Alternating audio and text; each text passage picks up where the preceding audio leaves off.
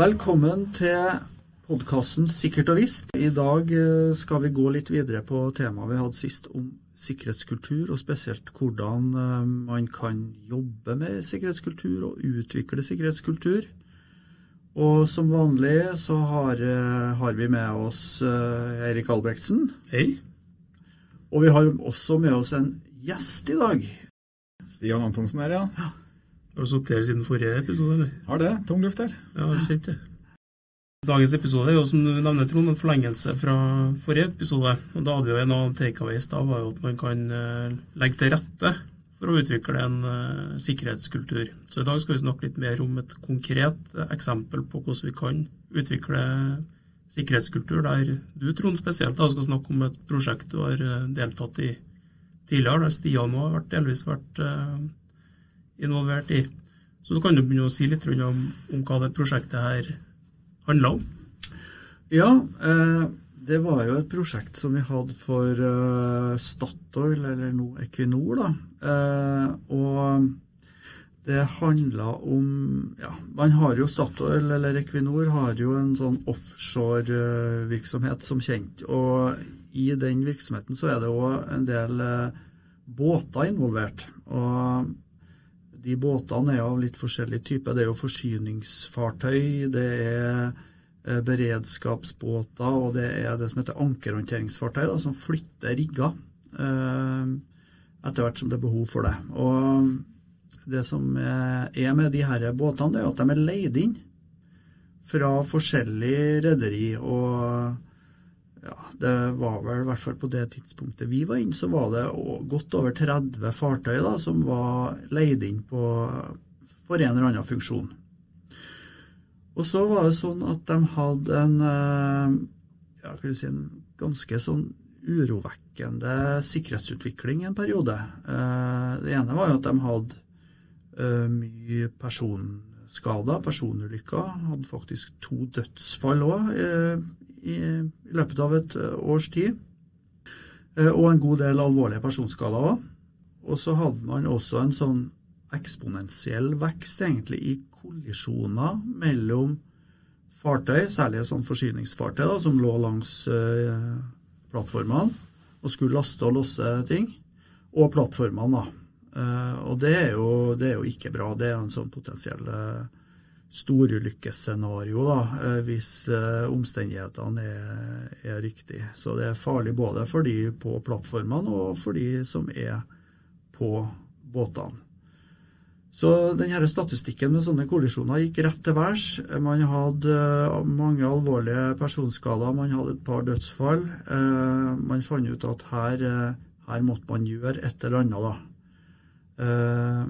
Og da ble da vi engasjert eh, i et sånt, som å være en del av et sånt utviklingsprogram for å bedre sikkerheten i denne eh, offshore logistikkjeden, da, som det egentlig er. da. Du kan jo si litt mer om hvordan det her ble gjennomført? Ja, der kan sikkert du supplere meg litt, Stian, med det vi på en måte anla. Det var jo det vi kalte et sånt vi organiserte som et, det vi kaller for et aksjonsforskningsprosjekt.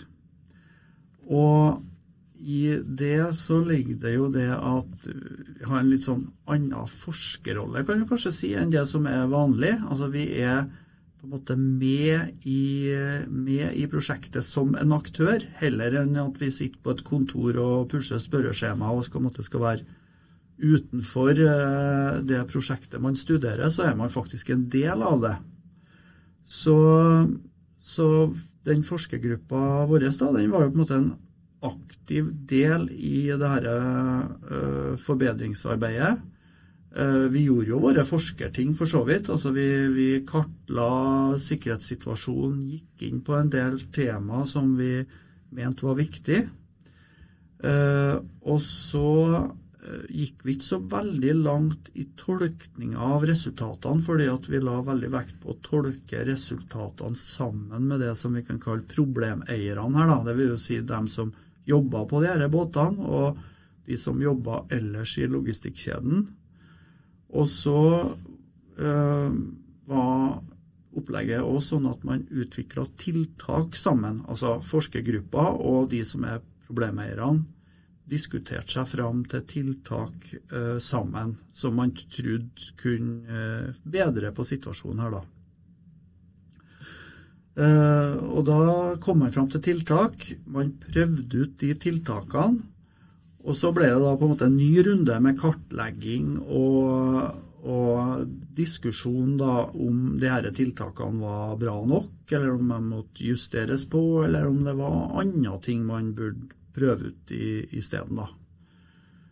Så, så, det var egentlig måtte, hovedgrepet, da.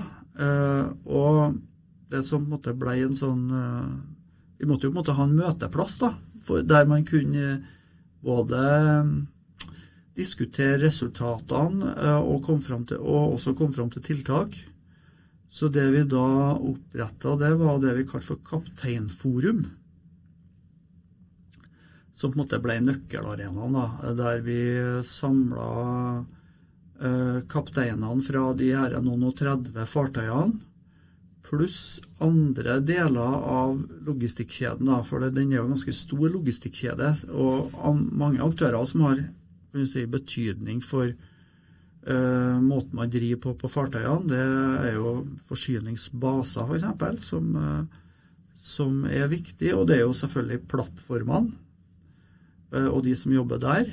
og så er det òg en egen enhet som heter trafikkontroll, som på en måte skal koordinere trafikken da ut til, til, til plattformene. Så det vi gjorde, da, det var egentlig å samle alle representanter for alle de aktørene her, da, men med en spesiell vekt på kapteinene. da, At alle kapteinene fikk eh, muligheten til å, å delta. Tanken var jo på en måte at kapteinene skulle være litt sånn brohode inn i fartøyvirksomheten. At det, det var på en måte en viktig eh, gruppe, da, hvis man på en måte skulle tenke forbedring og forbedringsarbeid. Så årlig så gjennomførte vi sånne samlinger, da. Eh, og det gjorde vi faktisk over en tolvårsperiode. Eh, og det her har jo fortsatt etter at vi ikke ble med lenger. Sånn at det lever jo i en tilsvarende form per i dag òg. Altså det her det, det, som ligger til grunn, er jo egentlig et sånn kontinuerlig forbedringsarbeid som er egentlig godt forankra, og der du på en måte drar med deg alle aktørene som, er, som det her har relevans for, da, og som det berører. Tolv år er lang tid, da? Ja, det er lang tid. Uh, Hvorfor tror du vi fikk lov til å holde på eh, så lenge? da? Ja, det var jo i tid Her snakker vi jo Vi avslutta jo det her i 2012 for vår, vår del.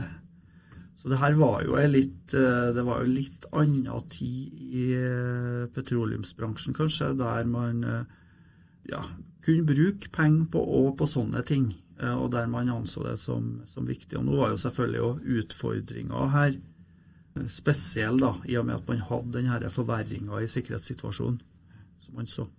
Så snudde det jo på et tidspunkt, da. Man fikk noen sånne uh, quick wins. Det var jo noen som tok regning. Det er ikke sikkert at de, de starta i, hva var det, rundt år 2000 og tenker at nå kjører vi tolv år på det her, og så ser vi om det funker. Jeg gjetter på at de kanskje hadde en utgangspunktet ikke så lang tidshorisont, men at man ganske kjapt fikk en oppleve at jøss, det her funker jo. Mm. Og så ser man at det, det med å, å, at noen forsker med og ikke forsker på, at det, det gjør noe med det, alle de interessentene som vanligvis ikke møtes i noen særlig grad. Ja. Fra vår side så virka det som at det var et ganske godt eierskap ut til de kapteinene som faktisk En ting var at de, de gidda å komme når de uh, ble bedt om å komme en plass, men at det også virka som det var en ganske OK plass. og å få et, et, bord å legge utfordringer på. og hvis du, hvis du, har et problem som du kanskje ikke får til å løse sjøl, eh, så er du avhengig av at du, du, har en plass å gjøre av det. Har noen som kan eh, hjelpe deg å både definere problemet og definere løsninger. Mm. Det, ja. Akkurat det der er ganske interessant. Altså, at, at man gjennom å lykkes ganske kjapt faktisk får lov til å holde på så lenge ja. og oppnå såpass gode resultater. Trond er jo en veldig nå snakker jeg til Erik da, Trond er jo en veldig beskjeden uh, kar. Men det der må være noe av det mest vellykka sikkerhetsutviklingsprosjektet vi har hatt i Norge. Jeg tenker jo Det var i hvert fall veldig morsomt å jobbe med det. for at det er jo, Som forsker så er det jo ikke eh, hverdagskost å på en måte kunne jobbe med ting som får faktiske og praktiske resultat, og som får direkte betydning for noen, og der du ser på en måte resultatet såpass uh, kjapt. da. Og så ble jo denne arenaen òg ganske etablert etter hvert. da. Du fikk, Vi la det opp sånn som todagerssamlinger, så du fikk en Vi hadde en uh, tiltaksdag som dag nummer to. Men det vi starta med, det var jo en sånn utfordringsdag. Hva er utfordringene her når, eh, når det gjelder eh, sikkerhet og det bildet vi ser nå, bl.a. basert på de kartleggingene, studiene som, som vi hadde gjort da. Eh, og så var det jo noe med at jeg tror kanskje at i utgangspunktet så førte jo de kapteinene her seg litt lite sett. Sånn at det var jo eh, noe nytt for dem, tror jeg, at som innleid fartøy så, du, så ble du faktisk lytta til av den store og mektige oppdragsgiveren. da. For det er klart at Makt har vel òg kanskje en, eh, en, betydning her, da. Spiller en rolle i, i, et sånt system der du på en måte har mange kontraktører og en ganske stor og sterk eh, hovedoperatør. da. Makt og status. Det er jo uh, Rolf By, som var, var en av ja, den andre founding father for prosjektet. Han snakker om underdogs. Sjøfol sjøfolkene var liksom uh, nederst i næringskjeden uh, her da. Uh, du kan byttes ut med en annen båt, du kan byttes ut med en annen kaptein eller matros. Altså, det er veldig mye som tilsier at du det er ikke du som uh, verken har høy status eller noe mye makt. Det er klart, hvis, du, hvis det er marginale værforhold, og du lurer på om er det egentlig helt trygt å, for den, det forsyningsfartøyet å legge til plattformen nå, så har du en situasjon hvor du ønsker at noen skal kunne si at vet du hva, det her det går ikke. Det er ikke trygt nok. Mm. Men hvis du da er liksom nederst på rangstigen, så er den terskelen blir desto høyere opp. da. Hvis mm. du skal si at nå uh, tror jeg vi tar en uh, timeout. Mm. Og når man så antallet kollisjoner etter hvert som man begynte å jobbe med det her veldig myke og myke tingene rundt det, mm. så, så, den kurven snudde jo veldig fort. Mm. Sannsynligvis fordi at man man øker sikkerhetsmarginen, rett og slett. Da, at du, er en del eh, marginale værforhold hvor du, du, får til å, du får til å si stopp. Da. Mm. Ja. da begynner vi kanskje å nærme oss sikkerhetskulturbegrepet. Ja. Derfor, helt sånn innledningsvis, når vi fikk dette oppdraget, så var vi jo en del ut på fartøyene og var med dem på noen turer og fikk snakka med dem litt over tid og observert hvordan de jobba og sånn. Og det vi på en måte landa på som et begrep da, som vi fant nyttig, det var jo det dette fremmedgjøringsbegrepet. Altså, Det er jo på en måte et gammelt, klassisk eh, begrep, men det ga, det ga litt mening i, um, i den sammenhengen her. da, altså Den opplevelsen de hadde som, som egentlig en brikke i Kall det logistikkspillet. da, som eh, var utbyttbar, som du sier, og som eh, kanskje ikke, hadde, ikke ble lytta til i noe særlig grad. I en sånn situasjon eh, over tid så blir det lett sånn at det viktigste blir å få jobben gjort. Og eh, kanskje ikke for enhver pris, men heller at man, eh, man legger kanskje heller ikke den vekta på sikkerhetsaspekt i arbeidet som man kanskje burde ha gjort.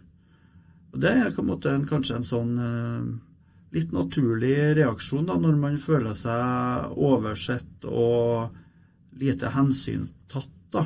Så var det jo ganske mange ganger på de her møteplassene, det kapteinforum som du snakker om, at også liksom, den store, mektige oppdragsgiveren eh, får en plass, altså, får samla de aktørene som du vil skal ha litt mer rom for å stoppe arbeid til å faktisk uh, invitere dem til det og si at det vi ønsker, og det vi skal stå for, det er sånn og sånn. Uh, og Så tar det litt tid å bygge opp den tilliten, da, men hvis du over tid får, får både uh, sagt hvordan ønsket skal være, og vise at du faktisk mener det, så kan det være en uh, ganske mektig bryter å skru på når det gjelder uh, sikkerhetskultur. For du, en, en, ting er jo at du får beskjed om at du kan alltid si stopp, og vi har alltid tid å jobbe sikkert, og alle de der flosklene som er lett å bruke. Men så skal du på en måte over tid ha visst at det faktisk stemmer. Mm. Og da skjer det jo noe. Og det, akkurat det skal man kanskje ikke undervurdere på en sånn møteplass, at du, du får avstemt litt uh, hvor lista reelt sett ligger hen. da.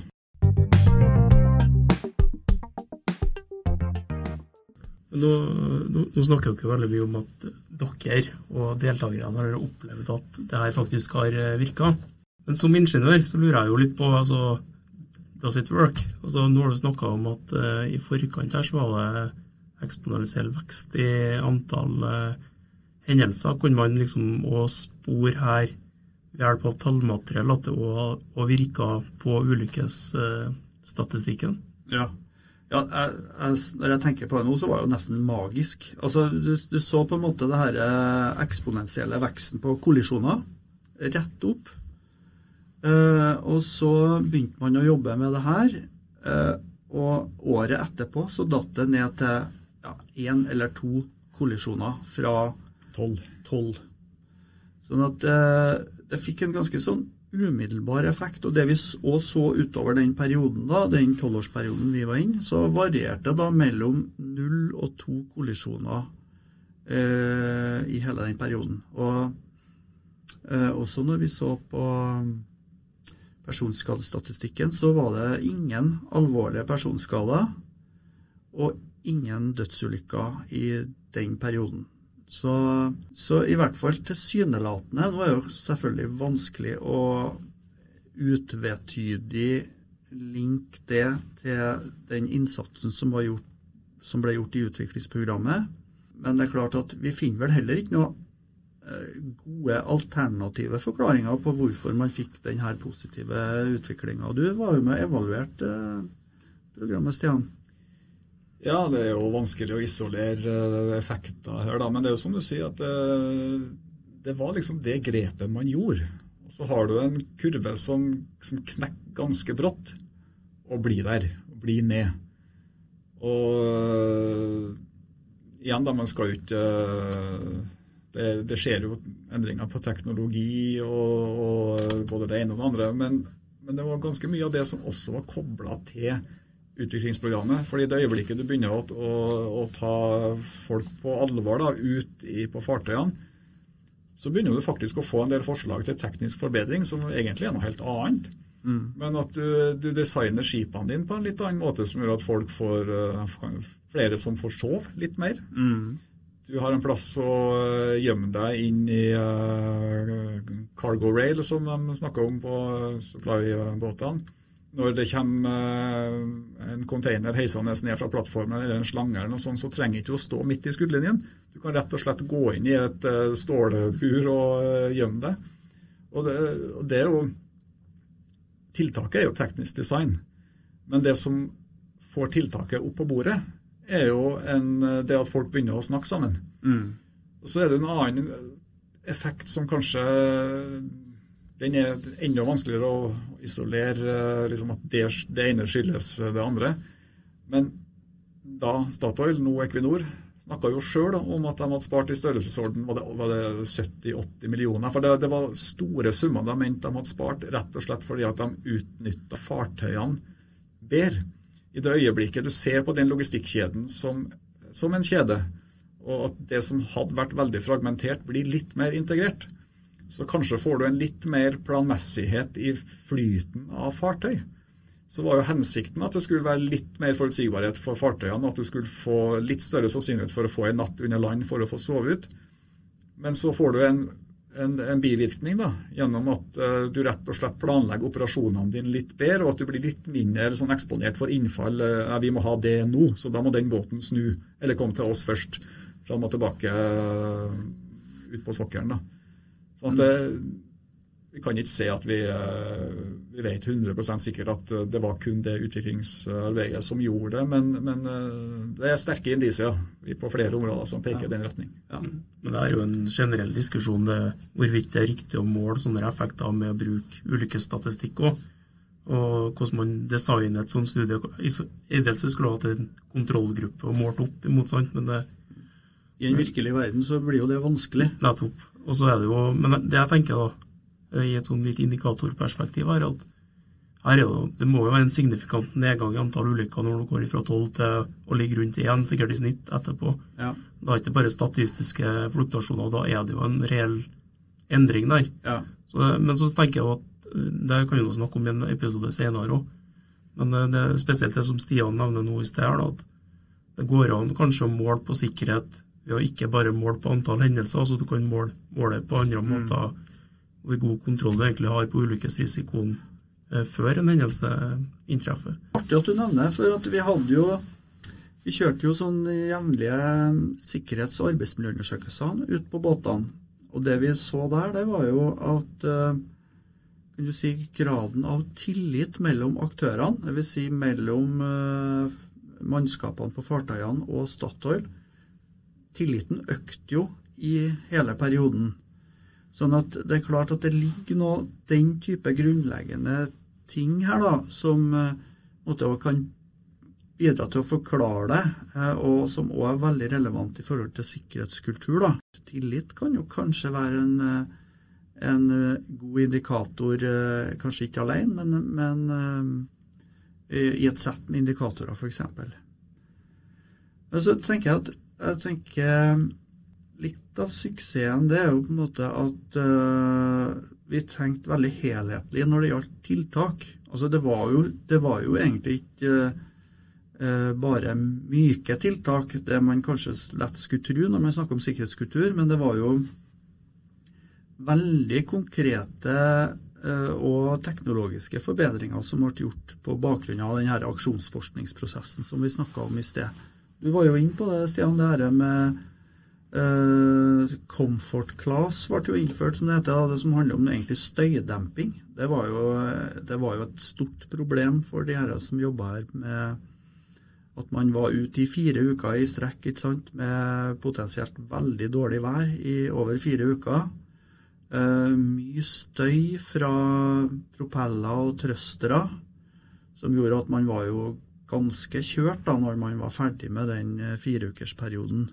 Men så satt da, etter innspill egentlig fra mannskapene sjøl i Kapteinforum, satt man krav om at alle nybygg skulle bygges da i henhold til sånn eh, type comfort class, eh, som er den klass, klassinga egentlig som eh, og, og, og, den type fartøy har, da, som gjorde at man fikk en annen hverdag ut eh, der etter hvert. da. Så kan man tenke etter hvor, hvor viktig det faktisk er. For det høres jo ut som at eh, ja, da må det jo være eh, skikkelig luksus å være ute på,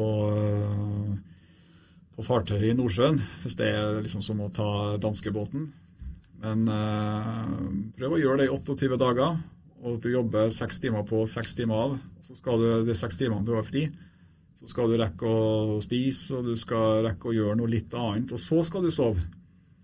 Eh, På, når du begynner å runde av 20 dager der, da du har gått og trykka i det samme sosiale miljøet, veldig sånn rutinebasert. Og det begynner å bli tre uker siden sist du så mer enn fire timer sammenhengende. Det, det, det betyr noe, altså. Det er ikke et spørsmål om luksus, det er et spørsmål om å, å klare å holde, holde seg sharp så lenge det lar seg gjøre. Ja. Men, men altså, jeg sitter jo med oversikten over eh, tiltak som ble identifisert av deltakerne sjøl i samarbeid med dere forskerne.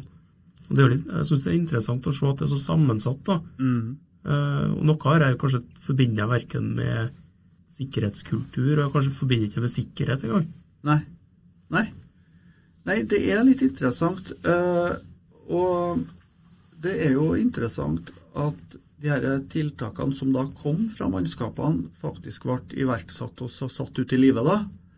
Eh, Det handla jo om mer bemanning, f.eks. på brua. Det, det handla om eh, ja, organisering av å ha et sånt single point of contact, f.eks. Eh, og så handler det òg mye om det å opprette arenaer f.eks. For, for maskinsjefer eller verneombud, eller et introduksjonsprogram for nyansatte på fartøyene osv. osv. Men liksom hele det det vitner om, syns jeg, da, det er det her med at det ble uh, utvikla en felles forståelse egentlig av, da, av hva som er utfordringer, og hva som er viktige utfordringer her. Da. Det, det vitner de her mangfoldet av tiltakene om, syns jeg. Uh, og det, da er vi jo midt i kjernen egentlig av uh, sikkerhetskulturbegrepet. Altså det å ha en felles uh, oppfatning, felles forståelse av hva som er viktig, og hva som skal være viktig eh, i, i, en virksomhet. Da. Og så varte det lenge. Over eh, mye av samme filosofien. Og Det tror jeg er noe av nøkkelen her. For det var, det var veld, altså Noen aktiviteter lå jo konstant. Spørreundersøkelsen eh, gjorde vi jo det annethvert år. Og eh, Kapteinforum var fast. Og en del ting rulla og gikk i og variasjon i det, selvfølgelig, men, men det var veldig, veldig sånn klare gjengangeraktiviteter.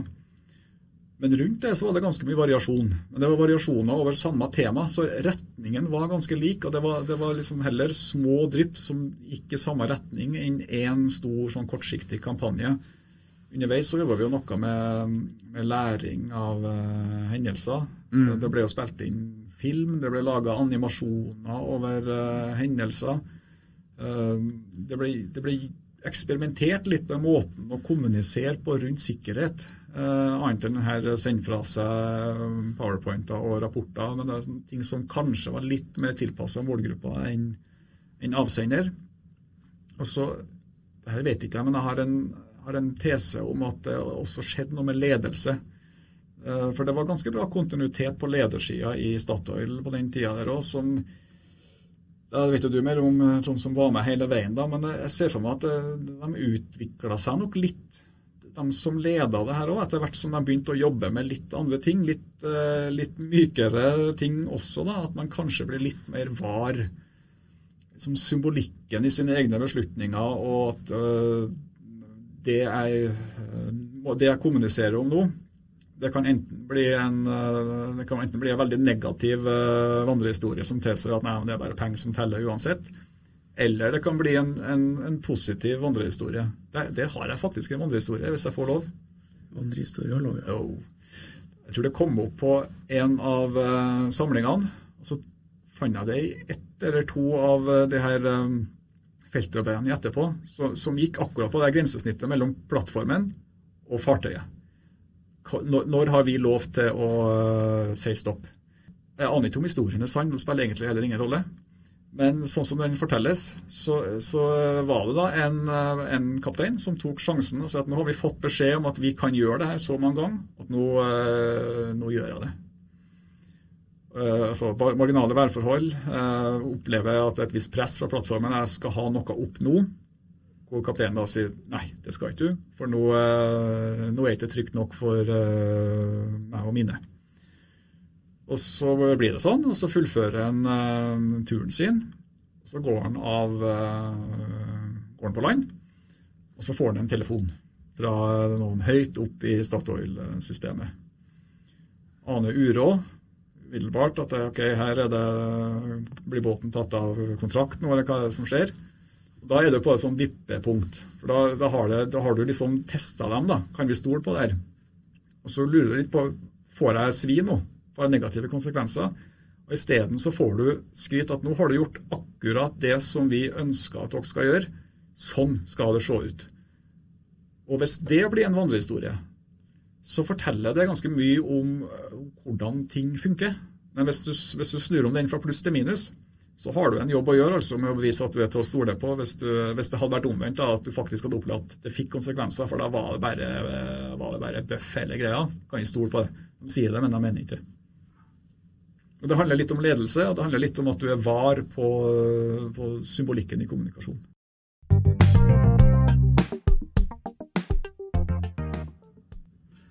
så, så, var det jo en sånn utvikling der man faktisk ble kjent med hverandre, eh, de her aktørene. Eh, ofte kunne det være sånn at du bare hadde hørt stemmen til en person. Men det er klart at eh, vi la jo litt vekt på det sosiale òg, på de her eh, samlingene vi hadde.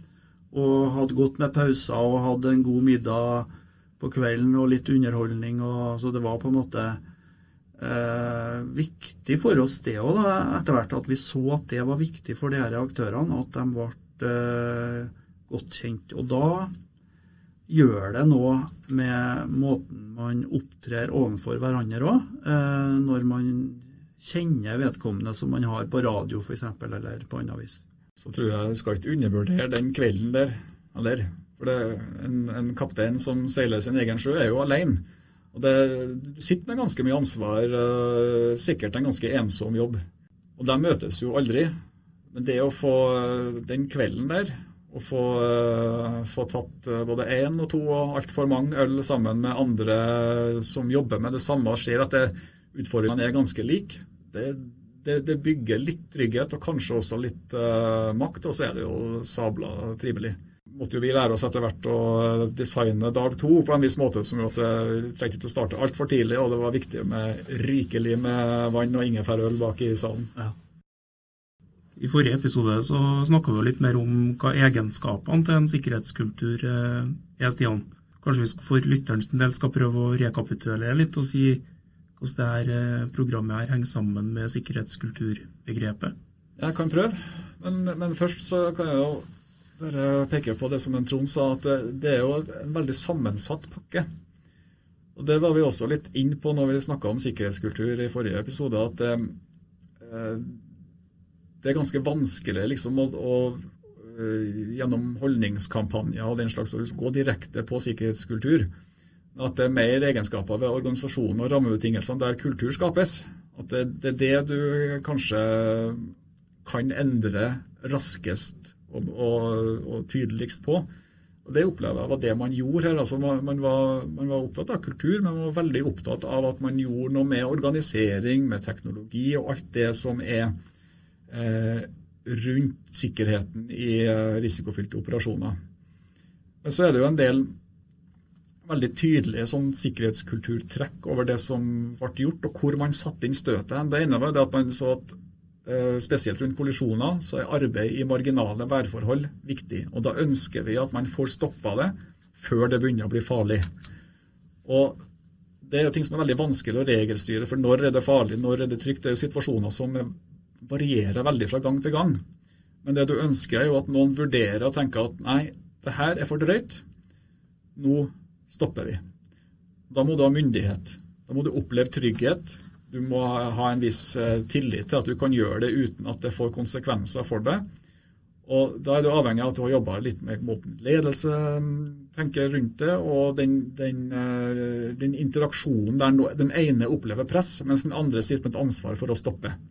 Det er klassisk sånn eh, breakpoint for sikkerhetskultur, og så har det noe å gjøre med makt og status. Så Vi snakka litt om det sist gang òg, at det, Sikkerhetskultur handler ikke om at alle skal være like. For I den logistikkjeden her, altså folk gjør jo helt forskjellige ting. Og eh, møtes i veldig liten grad annet enn i sånne korte eh, si, vekslinger når en container skal heises opp, eller så de konkrete arbeidsprosesser. da. Og De kommer aldri til å tenke helt likt på ting. Men de må tenke nok likt på ting til at de punkt én får til å kommunisere om risiko. Er det farlig, eller er det trygt akkurat nå? Um, en viss form for uh, respekt for den andre sin rolle, forståelse for uh, hva, hva, hvordan den andre tenker, hva, den andre uh, egentlig gjør. Da. Det er noe man har uh, jobba med her. Og så har man jobba lenge. Man har holdt på lenge nok til at man kan både bevise hvor den lista ligger generelt. reelt. At man, man, har faktisk vist at man er tilliten verdig. Først har du liksom, jobba for å bygge opp tillit, så har du vist at tilliten verdig.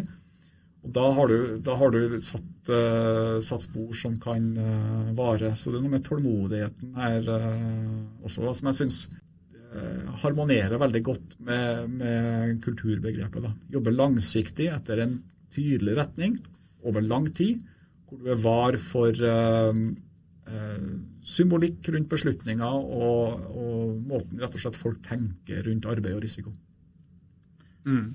Nei, for det her er jo på en måte ikke et, eh, en uh, jobb som blir gjort én gang for halv. Det er jo en sånn kontinuerlig jobb, egentlig. Jeg bruker å sammenligne det med husarbeidet. Du ser ikke hvor viktig det er før det ikke blir gjort.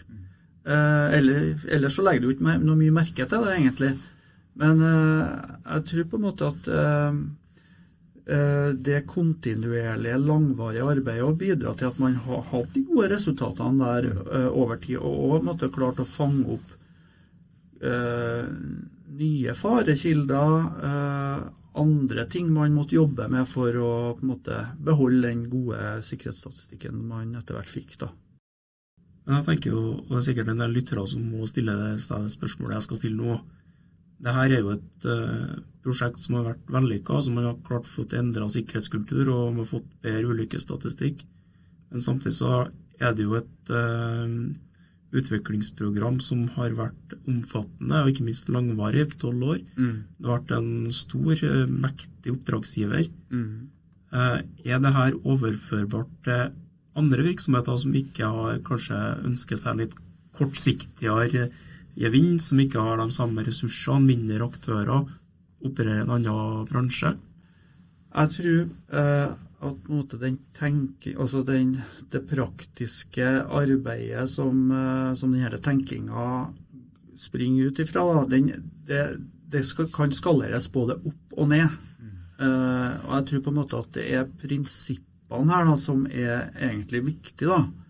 Eh, det at man eh, man tenker kontinuerlig forbedring gjennom å involvere dem som har skoen på, for å si det sånn. Altså Jeg tror på en måte at det er måte litt kjernen her, da.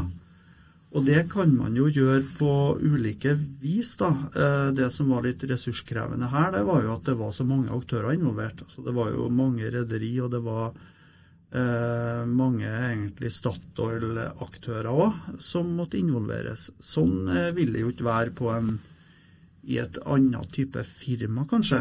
Sånn at man kan kanskje bruke, bruke de arenaene man allerede har tilgjengelig, f.eks. til å, å, bruke de samme prinsippene.